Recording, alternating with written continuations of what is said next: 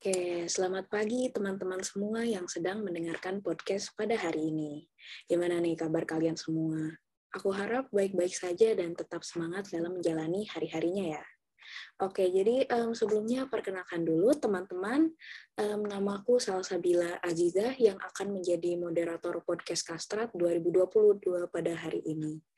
Nah, di sini kami dari bidang kastrat atau kajian strategi akan menyampaikan podcast dengan tema hak bagi penyandang disabilitas. Nah, untuk tema yang keren gini, kita juga butuh pembicara yang super duper keren dan pastinya sangat motivasional ya. Um, jadi untuk pembicara kali ini, Um, beliau ini adalah kepala sekolah SLBC YPSLB Gemolong dan juga um, merupakan alumni dari Universitas Diponegoro. Keren banget ya. Oke, kalau begitu kita langsung uh, panggil saja. Di sini sudah ada Ibu Purnia Desi. Selamat pagi, Bu. Iya, selamat pagi Mbak Salsabila. Oke, gimana Bu kabarnya? Alhamdulillah baik ini. Alhamdulillah. Um, gimana Ibu? Apakah sudah siap untuk memberikan materi pada hari ini? Ya, insya Allah siap. Siap ya Bu. Ya. Oke mantap. Nah, di sini um, sebenarnya Bu, kami ini sudah melakukan beberapa survei kepada orang-orang mengenai list pertanyaan yang paling banyak orang-orang ingin ketahui mengenai tema dari kita, yaitu hak penyandang disabilitas. Nah, dan ternyata pada peringkat pertama ini paling banyak itu uh, mengenai apa sih pengertian dari hak bagi penyandang disabilitas itu sendiri. Nah, untuk dari Ibu Kurnia sendiri, apakah uh, pendapatnya bagaimana Ibu? Oke, uh, menurut saya ya Mbak, saya pribadi uh, hak, di, hak hak penyandang disabilitas itu ada sesuatu yang uh, sepantasnya mereka dapatkan karena uh, di lapangan itu banyak sekali kasus yang seperti perundungan, pembulian, diskriminasi, dan sebagainya. Nah, itu akan membatasi hak-hak mereka yang seharusnya mereka dapatkan seperti hak hidup, hak pendidikan, eh, hak dan hak-hak lainnya yang nanti mungkin akan saya jelaskan di eh, materi saya yang akan saya sampaikan. Oke Bu, jadi uh, untuk um, hak dari penyandang disabilitas itu ada beberapa hal yang bisa uh, membatasi hak yang uh, seharusnya mereka dapatkan ya Bu. Iya Oke. Okay. Um, Oke okay, baik, terima kasih Bu untuk um, uh, pertanyaan selanjutnya saja. Uh, tadi kita semua sudah mendapatkan pengertian dari hak penyandang hak bagi penyandang disabilitas itu sendiri. Nah uh, mungkin dari sini akan ada yang bertanya-tanya, apakah hak penyandang disabilitas itu uh, memiliki hak yang sama dengan masyarakat pada umumnya. Nah, dari Ibu Kurnia, bagaimana tanggapannya, Ibu? Ya, oke. Okay. Untuk uh, pertanyaan tersebut, apakah hak penyandang disabilitas itu memiliki hak yang sama dengan seperti kita? Sebetulnya itu sudah diatur di dalam Undang-Undang Nomor uh, eh, 18 tahun maaf nomor 8 tahun 2000 16 nomor 18 tahun 2016 maaf. Nah itu uh, itu tuh sebenarnya sudah diatur di dalam, situ.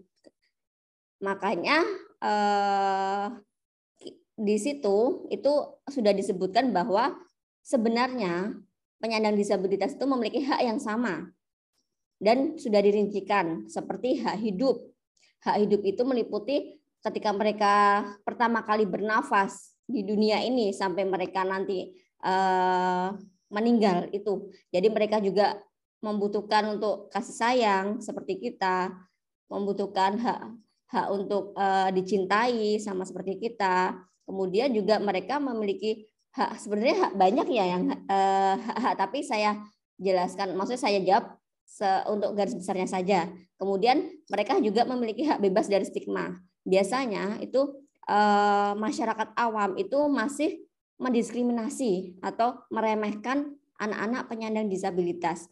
Padahal jika anak-anak penyandang disabilitas ini di, uh, di diberikan wadah yang atau kesempatan itu mereka sebenarnya bisa melakukan hal-hal yang kita tidak dapat lakukan.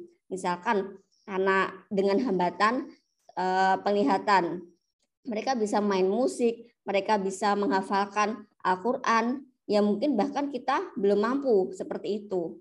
Kemudian ada hak privasi juga. Mereka uh, tidak tidak sedikit pun mereka yang uh, melangsungkan pernikahan dan memiliki anak. Jadi mereka juga harus dihormati juga karena mereka mempunyai hak privasi juga. Kemudian hak pendidikan. Nah ini hak pendidikan ini uh, ini pemerintah ini sedang menggodok ya istilahnya karena pada era ini pemerintah itu memiliki program sekolah inklusi, Mbak. Jadi sekolah inklusi itu di mana sekolah umum-umum ini dijadikan sekolah inklusi agar anak-anak ini, agar anak-anak penyandang disabilitas yang di pelosok-pelosok ini bisa bersekolah, mendapatkan hak pendidikan. Seperti itu. Jadi eh, dikarenakan sekolah luar biasa itu titiknya itu tidak terlalu dekat seperti sekolah umum, maka dari itu anak-anak eh, sekolah ini memiliki hambatan ketika mau me, mau mencari haknya hak pendidikannya ini mereka terhambat karena jarak mbak biasanya. Seperti itu. Jadi pemerintah ini sedang menggalakkan sekolah inklusi. Jadi anak-anak ini bisa bersekolah di sekolah umum berkembang dengan anak-anak pada umumnya. Seperti itu. Jadi banyak ya sebenarnya ketika kita membahas mengenai hak-hak. Di antaranya ya itu. Bahkan mereka juga memiliki hak mengenai uh, keolahragaan juga yang sudah disebutkan di Undang-Undang Nomor 18 Tahun 2016 ya, bahwa anak-anak uh, disabilitas, penyandang disabilitas itu juga memiliki hak untuk mengikuti cabang-cabang atau kompetisi keolahraga keolahraga keolahraga peragaan, Mbak. Jadi mereka tuh tidak disangka sampai nasional juga. Anak saya, siswa saya pun uh, sampai juara nasional nomor uh, kejuaraan mendapatkan juara dua itu di bidang lari. Jika kita merenungkan hal tersebut, kita belum tentu bisa seperti itu. Jadi seperti itu Mbak, untuk garis besarnya. Baik, uh, jadi um, untuk hak dari penyandang disabilitas itu bahkan uh, ternyata sudah diatur oleh iya, undang-undang ya, teman-teman semua. Jadi Undang-Undang Nomor 8 Tahun 2016. Baik, uh, mungkin kita bisa uh, lanjut kepada pertanyaan selanjutnya ya, Bu. Um, apa saja bentuk hak yang dimiliki oleh penyandang disabilitas? Um, maaf Mbak, bisa diulang? Koneksinya untuk pertanyaan selanjutnya itu mungkin apa saja bentuk hak yang dimiliki oleh penyandang disabilitas? Oke, eh, bentuk-bentuk yang harusnya eh, menjadi hak penyandang disabilitas itu eh, banyak ya Mbak tadi yang sudah saya sebutkan tadi di antaranya mungkin sudah saya sebutkan di pertanyaan sebelumnya yaitu ada hak hidup, hak bebas dari stigma, kemudian hak privasi, hak keadilan dan perlindungan hukum, hak pendidikan, hak pekerjaan. Nah, nih hak pekerjaan ini sekarang pun pemerintah sudah mengaturnya di dalam Undang-Undang Nomor 18 Tahun 2016 tadi, yaitu uh, untuk di, uh, di pasal 53 bahwa anak-anak penyandang disabilitas atau seseorang penyandang disabilitas itu memiliki hak uh, untuk mendapatkan pekerjaan yang sudah diatur di pasal 53 yang di antaranya yaitu uh, pemerintah BUMN, pemerintah daerah itu uh, harus mempekerjakan penyandang disabilitas paling tidak minimal 2%. Kemudian uh, jika perusahaan swasta itu minimal harus mempekerjakan penyandang disabilitas itu satu persen. Jadi itu sudah ada undang-undangnya. Akan tetapi untuk di lapangannya di wilayah saya sendiri untuk perusahaan swasta itu masih minim untuk mempekerjakan penyandang disabilitas. Padahal sebenarnya sudah ada undang-undang yang mengatur hal tersebut. Harapannya ke depannya mungkin juga eh, pemerintah tetap harus eh, meninjau ya apakah perusahaan-perusahaan swasta itu sudah memiliki karyawan yang sesuai dengan undang-undang yang sudah diatur tentang penyandang disabilitas penyandang disabilitas tersebut karena itu merupakan hak-hak mereka juga. Kemudian ada hak kesehatan di sini seperti imunisasi, kemudian uh, pemeriksaan rutin dan sebagainya. Itu anak-anak yang uh, bersekolah di SLB itu biasanya juga setiap uh, setahun berapa kali pasti dia juga mendapatkan haknya untuk imunisasi. Jadi pihak puskesmas kita mengadakan MOU dengan puskesmas terdekat. Nanti pihak puskesmas akan ke tempat kita. Kemudian hak uh, penyandang disabilitas ini juga memiliki hak politik, Mbak. Jadi walaupun mungkin uh, stigma di masyarakat masih beredar luas mengenai ne pemikiran negatif ya mengenai anak-anak disabilitas, tapi mereka itu memiliki hak politik juga, hak memilih seperti presiden. Jadi mereka harus dapat hak untuk uh, memilih juga. Kemudian mereka juga memiliki hak keagamaan. Jadi si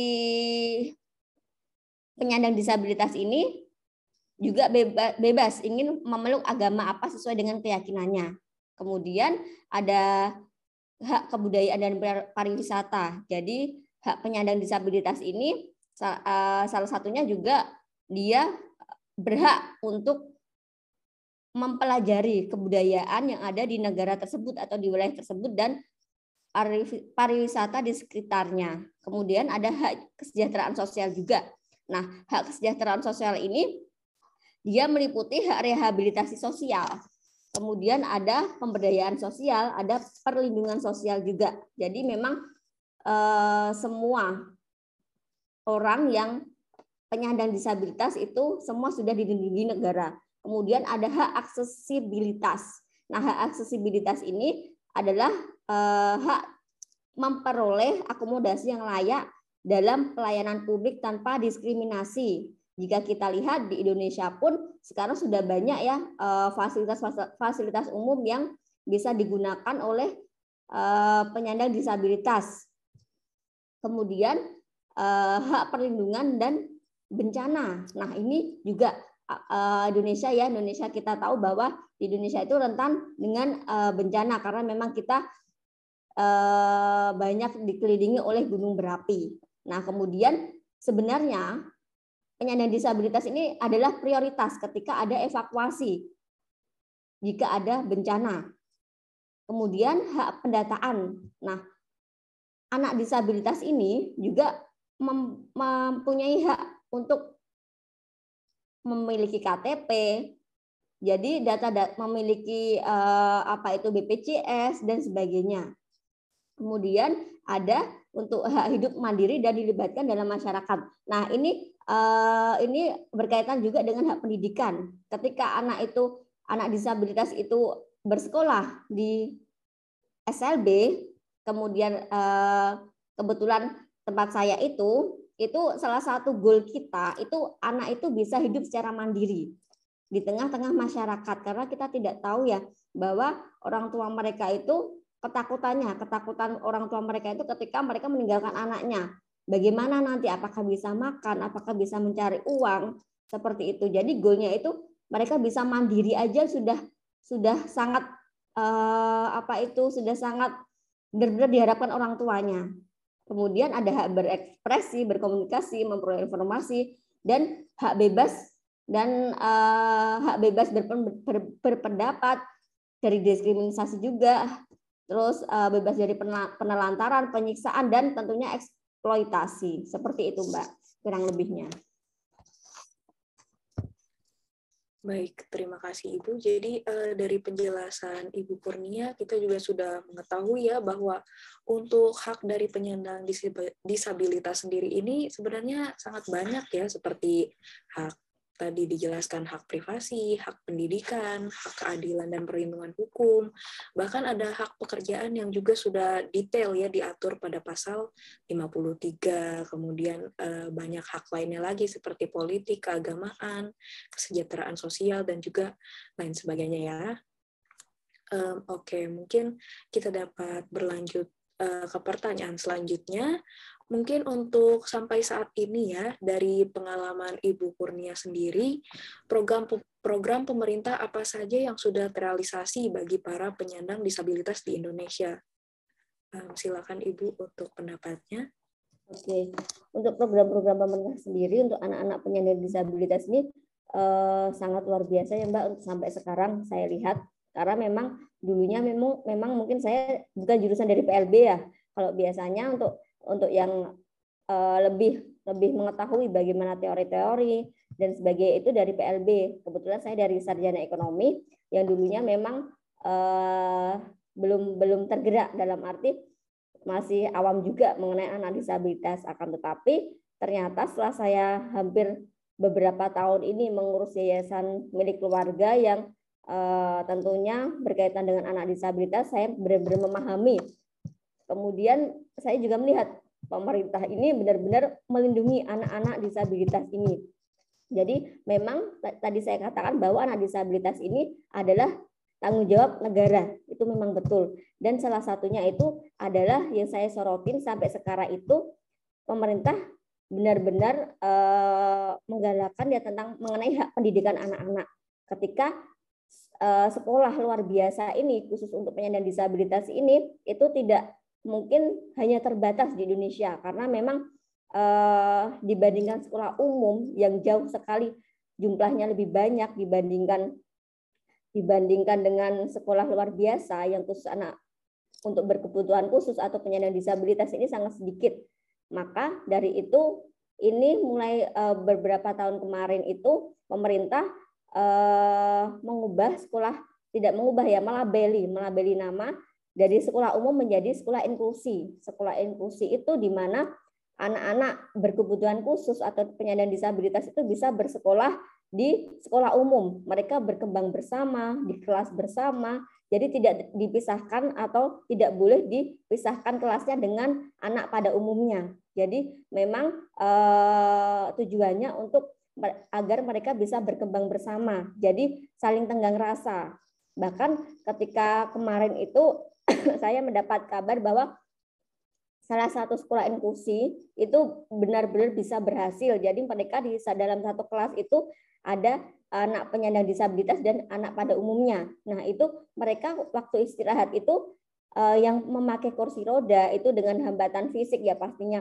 Itu mereka jika keluar istirahat itu dibantu oleh anak-anak yang pada umumnya yang normal seperti kita. Seperti itu. Jadi mereka sudah benar-benar uh, terbentuk karakternya di situ. Itu pemerintah keberhasilan pemerintah di situ juga. Kemudian yang kedua, kita lihat fasilitas-fasilitas umum di Indonesia ini sudah mulai uh, sudah mulai sedikit-sedikit ya. Mungkin kalau dibandingkan luar negeri masih masih ya ya ya ya belum belum sepadan tapi saya lihat untuk uh, di era ini sudah banyak di pariwisata pariwisata kemudian di jalan umum itu sudah ada fasilitas untuk anak-anak disabilitas. Contohnya itu di uh, di trotoar itu di samping-samping jalan raya itu sekarang kita bisa lihat banyak itu di situ uh, seperti seperti pegangan. Itu biasanya untuk anak disabilitas. Kemudian untuk uh, jalan di, di jalan itu biasanya di di apa ya itu ada khusus tempat untuk uh, anak dengan hambatan penglihatan di situ mereka biasanya menggunakan tongkat nah di situlah mereka tahu oh mereka harus jalan lurus atau harus berhenti atau ke kanan atau harus ke kiri di situ sudah banyak sekali juga di di Indonesia ini Kemudian juga ada eh, apa itu seperti kompetisi-kompetisi Mbak. Kompetisi-kompetisi ini sangat luar biasa menurut saya karena ini mengasah bakat-bakat mereka. Jadi eh, di sekolah saya sendiri ini ada tahun kema tahun ini itu ada salah satu siswa kami yang dia juara nasional dalam cabang lari 50 meter. Itu sangat luar biasa menurut saya. Itu sudah tingkat nasional, dia sudah melewati tingkat kabupaten, tingkat provinsi, kemudian dia maju ke nasional. Itu sangat membanggakan sekali untuk saya ketika anak-anak saya bisa uh, meraih kejuaraan tingkat nasional dan masih banyak kompetisi-kompetisi lain yang memang diadakan oleh pemerintah sendiri. Seperti itu Mbak garis besarnya. Baik, um, dan saya juga izin bertanya ya Bu, mungkin uh, menurut Ibu Kurnia uh, seharusnya nih yang pemerintah lakukan ke depannya untuk menjamin kesejahteraan para penyandang disabilitas itu apa ya Bu? Oke. Menurut saya itu mungkin lebih ke melakukan pengontrolan ya. Undang-undangnya sudah ada, tapi untuk realisasinya kita kan tidak tahu di lapangan seperti apa ya Mbak. Nah, menurut saya eh, harus ada peninjauan ulang. Apakah yang di lapangan itu sudah sesuai dengan undang-undang atau belum? Seperti itu. Ketika tadi ada undang-undang di uh, nomor 18 tahun 2016 ada pasal 53 mengenai hak-hak pekerjaan yang harus didapatkan oleh disabilitas. Itu uh, tentunya pemerintah juga harus meninjau karena sampai sekarang menurut saya pun itu belum bisa terlaksana 100% karena saya sendiri dalam mencarikan pekerjaan untuk anak-anak saya ya kan kami kalau jika ada kelulusan itu juga berkewajiban untuk mencarikan pekerjaan mereka yang untuk mereka bisa bekerja paling tidak bisa uh, untuk makan lah ya mbak ke, uh, untuk kehidupan mereka. Nah itu pun di sekeliling saya di kawasan mungkin di rumah saya ya itu masih sangat sulit untuk tembus ke perusahaan swasta swasta. Terus saya sangat sulit sekali sangat saya sangat merasa dipersulit seperti itu. Tapi di sini tidak akan saya sebutkan ya mungkin perusahaan apa karena itu uh, itu pasti nanti takutnya jadi uh, sesuatu yang menimbulkan hal negatif. Tapi itu menurut saya itu masih harus ditinjau ulang ya mengenai hal tersebut karena memang itu sebenarnya hak, -hak mereka karena sudah ada undang-undangnya. Tapi ketika di lapangan di uh, ter, apakah terrealisasi atau belum itu pemerintah benar-benar wajib harus untuk meninjau ulang bagaimana uh, di lapangan apakah sudah terrealisasi ataukah belum karena memang sayang sekali kalau memang sudah ada undang-undangnya, sudah ada peraturannya, tapi pemerintah tidak tahu bagaimana uh, situasi kenyataan di lapangan itu seperti apa. Seperti itu, Mbak.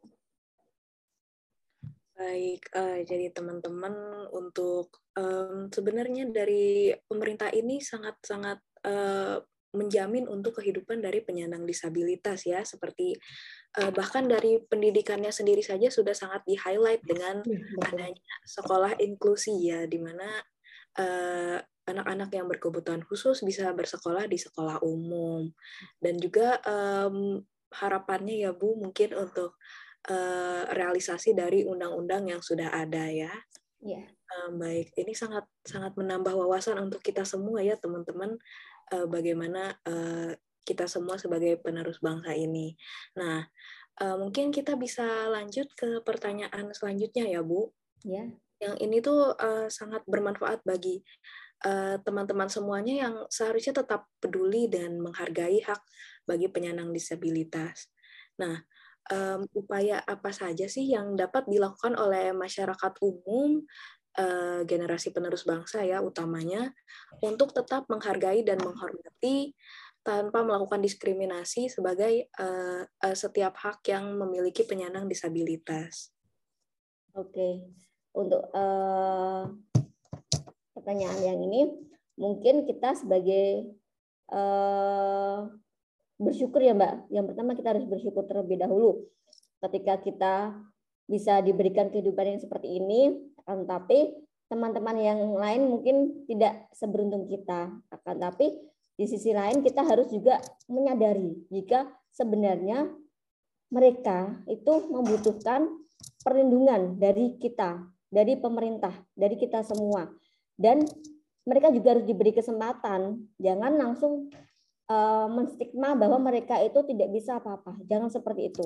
Jadi kita harus juga memberikan kesempatan kepada mereka agar mereka bisa berkembang. Jika mereka sebenarnya jika mereka diberikan wadah, tempat, itu mereka insya Allah itu memiliki bakat yang sangat luar biasa, Mbak. Bahkan di luar kemampuan kita kemungkinan. Jadi seperti itu. Jadi kita sebagai masyarakat harus benar-benar uh, menyadari, menyadari bahwa mereka itu butuh perlindungan dan harus diberikan kesempatan. Jangan tiba jangan uh, melakukan perundungan, pembulian itu merupakan hal-hal yang sangat uh, tidak etis lah menurut saya. Jadi benar-benar harus di uh, kita semua mas sebagai masyarakat, sebagai uh, apalagi kita tinggal di Indonesia yang tentunya kita memiliki budaya budaya yang harus kita junjung tinggi yaitu uh, dengan juga memperdulikan hak-hak anak-anak disabilitas ini Kalau tidak kita siapa lagi? Jadi seperti itu. Baik, baik teman-teman semuanya. Jadi ya um, sebagai generasi penerus bangsa ya kita utamanya kita juga harus um, uh, bersyukur dan juga jangan lupa untuk uh, memberikan mereka kesempatan dan yang paling penting itu jangan memberikan stigma ya Bu. Ya, betul sekali. Okay. Baik, uh, mungkin untuk selanjutnya um, dari Ibu Kurnia sendiri, apakah ada materi lain yang ingin disampaikan? Iya Mbak, mungkin ada. Ini saya bisa share, share screen nggak? Oh iya Ibu, um, silakan. Oke, beberapa slide saja. Oh, itu ya, masih di itu ya, belum bisa diizinkan ya? Um, mungkin bisa disetting. Oh iya, J, Bu, sebentar, J.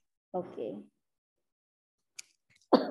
Jadi, mungkin nanti saya akan uh, membahas mengenai isu-isu terkini ya.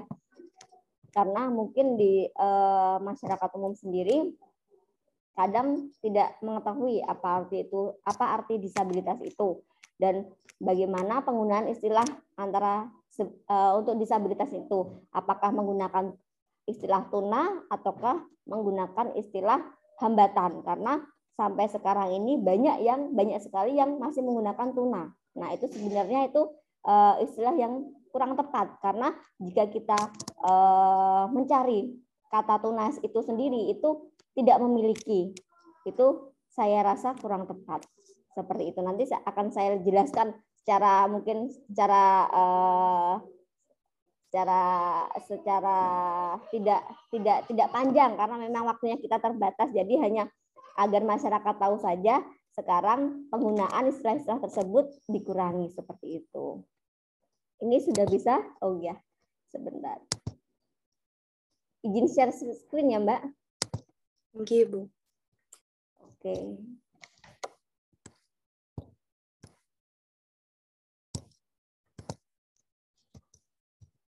Oke, jadi ini ya, kita membahas dulu mengenai pengertian disabilitas. Jadi uh, seperti saya sudah katakan bahwa uh, di pemerintah Indonesia di Indonesia itu sebenarnya sudah diatur mengenai uh, apa saja hak-hak penyandang disabilitas itu diatur pada Undang-Undang Nomor 18 Tahun 2016. Jadi setiap jadi menurut undang-undang tersebut Disabilitas itu adalah setiap orang yang mengalami keterbatasan, yaitu fisik, intelektual, mental, sensorik, dan ganda. Nah, fisik ini seperti uh, kita kenal mereka uh, tunadaksa, kemudian intelektual ini mereka tunagrahita yang memiliki kemampuan uh, eh, IQ di bawah rata-rata. Kemudian ada mental. Mental ini uh, biasanya kita sering menyebutnya dengan kejiwaan. Kemudian sensorik, sensorik ini dia tunarungu kemudian ada ganda. Ganda ini bisa bisa melebihi satu mbak. Jadi mereka bisa fisik dan bisa intelektual. Itu bisa terjadi bahkan bisa multi, bisa tiga juga. Kemudian, nah ini isu-isu yang uh, terkini yang uh, perlu mungkin saya sampaikan biar teman-teman juga mengetahuinya bagaimana kita menggunakan istilah di uh, lingkungan lingkungan kita. Nah, ini uh, kebanyakan ya, maksudnya sebagian besar mungkin masyarakat masih menyebutkan dengan tuna sebenarnya istilah tuna itu dirasa kurang tepat karena itu ketika kita uh, mencari mencari mencari apa artinya mungkin di Wikipedia itu tuna itu sebenarnya jenis ikan. Kemudian apabila di bahasa lain itu tidak memiliki atau tanpa nah ketika tuna itu digunakan dengan uh, penyandang disabilitas misalkan tuna tuna misalkan ini tuna tuna rungu atau tunanetra. Nah, padahal mereka memiliki mata, mereka memiliki telinga. Jadi itu tidak tepat. Terus kemudian apa ya? Apa yang lebih tepat? Nah, yang lebih tepat itu adalah hambatan karena hambatan itu netral, bersifat netral. Jadi untuk tunanetra, tunarungu, tunadaksa itu nanti kita akan uh, istilahnya untuk sekarang itu adalah hambatan. Misalkan hambatan penglihatan, hambatan pendengaran. Jadi seperti itu. Jadi istilah-istilah ini mungkin uh, dulunya dulunya itu memang uh, tuna, tapi untuk di era sekarang itu kita sudah uh, ma masuk ke istilah dengan hambatan karena untuk hambatan ini lebih netral dibandingkan penggunaan kata tuna. Nah, kemudian ini ada permasalahan penyandang disabilitas juga, Mbak.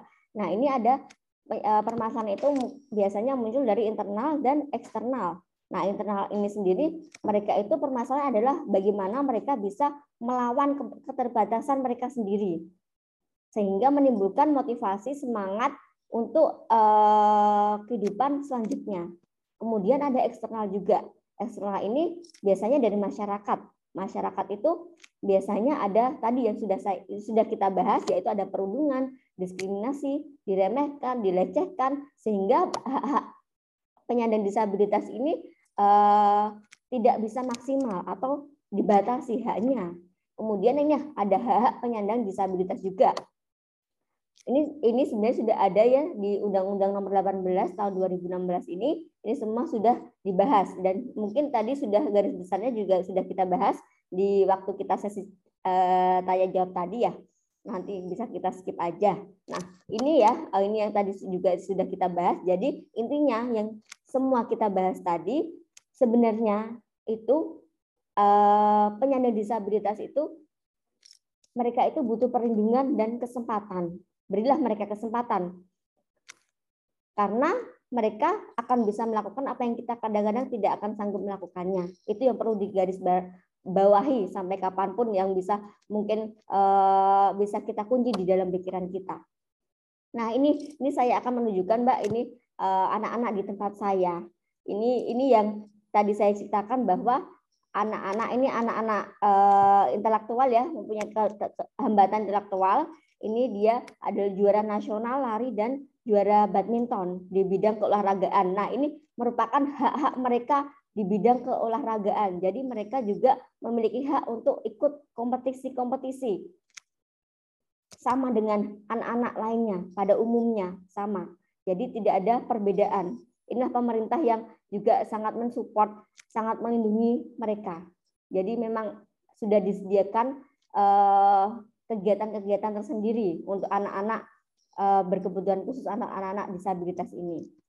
Ini juga mereka juga pentas seni, jadi mereka memiliki hak kesenian juga, hak kebudayaan juga yang untuk melestarikan kebudayaan mereka masing-masing di wilayah mereka masing-masing.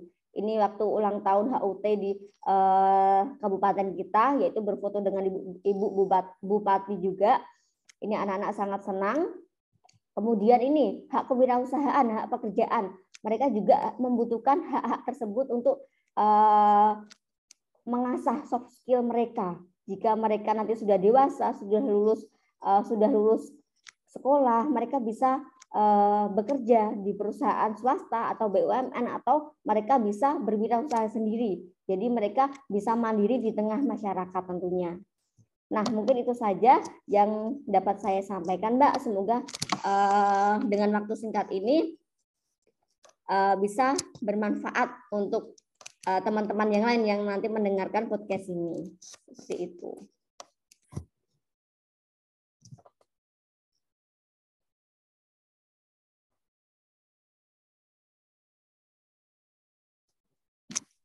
Baik, terima kasih Ibu. Mohon maaf tadi ada kendala sedikit. Ya. Baik, jadi teman-teman mungkin di sini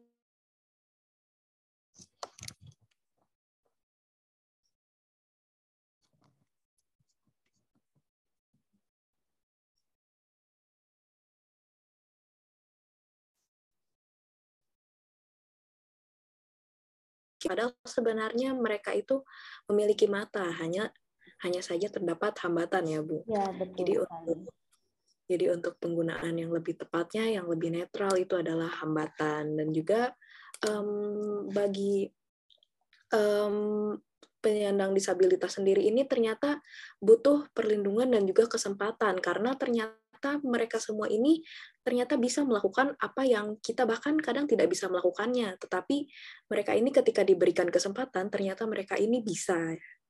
Ini sangat menarik sih Bu untuk uh, diperhatikan bagi teman-teman bahwa penyandang disabilitas ini uh, membutuhkan kesempatan dan juga uh, diperlakukan uh, sebagai uh, kita pada umumnya ya. Nah, uh, mungkin untuk pertanyaan kita semua ini sudah terjawab dengan baik ya Bu. um, kami ucapkan terima kasih sebesar-besarnya Jibu sudah Ya, bersedia sama-sama. untuk menjadi pembicara di podcast Kastrat 2022. Nah, bagi teman-teman yang ingin eh, bagi teman-teman pendengar podcast Himakau ini jangan lupa untuk eh, tetap menghargai setiap hak yang dimiliki oleh semua orang. Nah, untuk informasi lebih lanjut tentang isu-isu sosial, eh, mungkin teman-teman pendengar podcast ini bisa nih mengunjungi Instagram kami yaitu @kastrat.himakau. Dan sekali lagi kami ucapkan terima kasih Ibu Kurnia Desi. Terima kasih Ibu. Ya, sama-sama Mbak.